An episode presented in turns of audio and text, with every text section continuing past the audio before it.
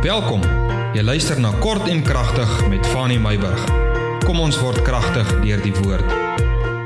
Goeiemôre. Romeine 2 vers 11 sê in Afrikaans: Want daar is geen aanneming van die persoon by God nie. Die Engels sê: For God shows no partiality, undue favor or unfairness with him one man is not different from another.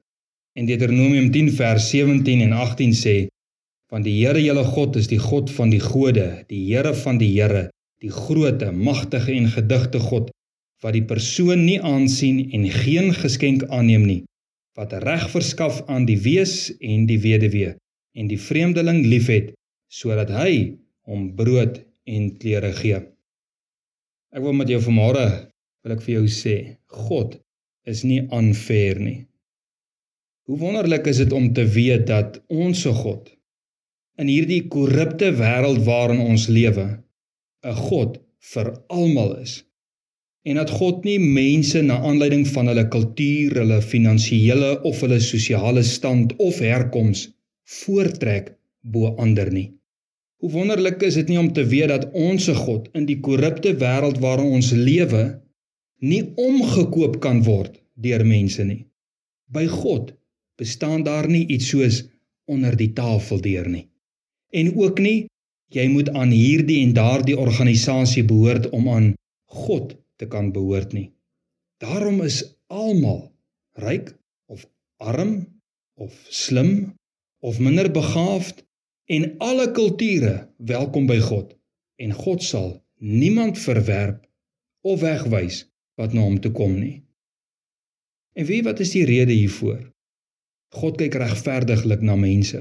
God sit nie menslike brille op met menslike kennis of word beïnvloed deur menslike opinies om ander mense te beoordeel of dan te veroordeel nie. So, kind van die Here, maak nie saak watter mens voor God staan nie. Geen een mens het voordeel bo die ander by God nie. Ek praat nou nie van in die huweliks of in die gesinsverband waar jy die ouers kry en die kinders onderdanig of die orde van God tussen man en vrou. Dis nie waarvan ek praat. Ek praat van elke mens staan regverdiglik voor God, geen voordeel bo die ander nie. Daarom kan 'n kind na die Here toe gaan wat 'n klagte het oor sy ouer, regverdiglik nê. En die Here sal daardie kind aanhoor en nie net die ouer aanhoor en die ouers se kant verstaan nie. Jy weet onder die ou verbond was daar onderskeid gewees. Jy moet 'n Jood wees want 'n Jood is God se volk. Maar onder die nuwe verbond is die enigste voorwaarde besnydenis van die hart en die gees, soos wat Romeine 2 vers 28 sê.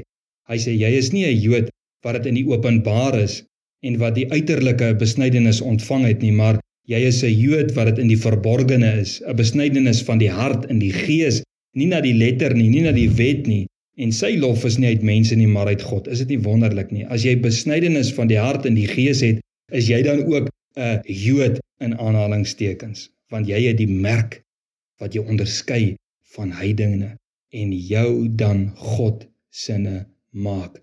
En die merk is wedergeboorte. Wedergeboorte is die geestelike besnydenis. Wedergeboorte is geloof in Jesus.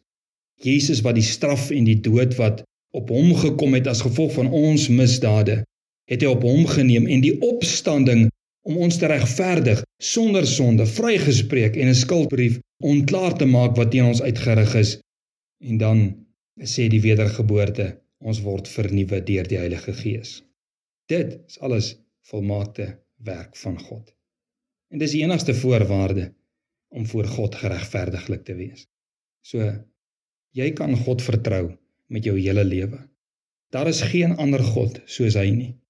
God laat niemand minderwaardig voel nie. Almal word onder dieselfde kam geskeer en hierdie kam is Jesus Christus. Seën en vrede kind van die Here tot ons môre verder gesels.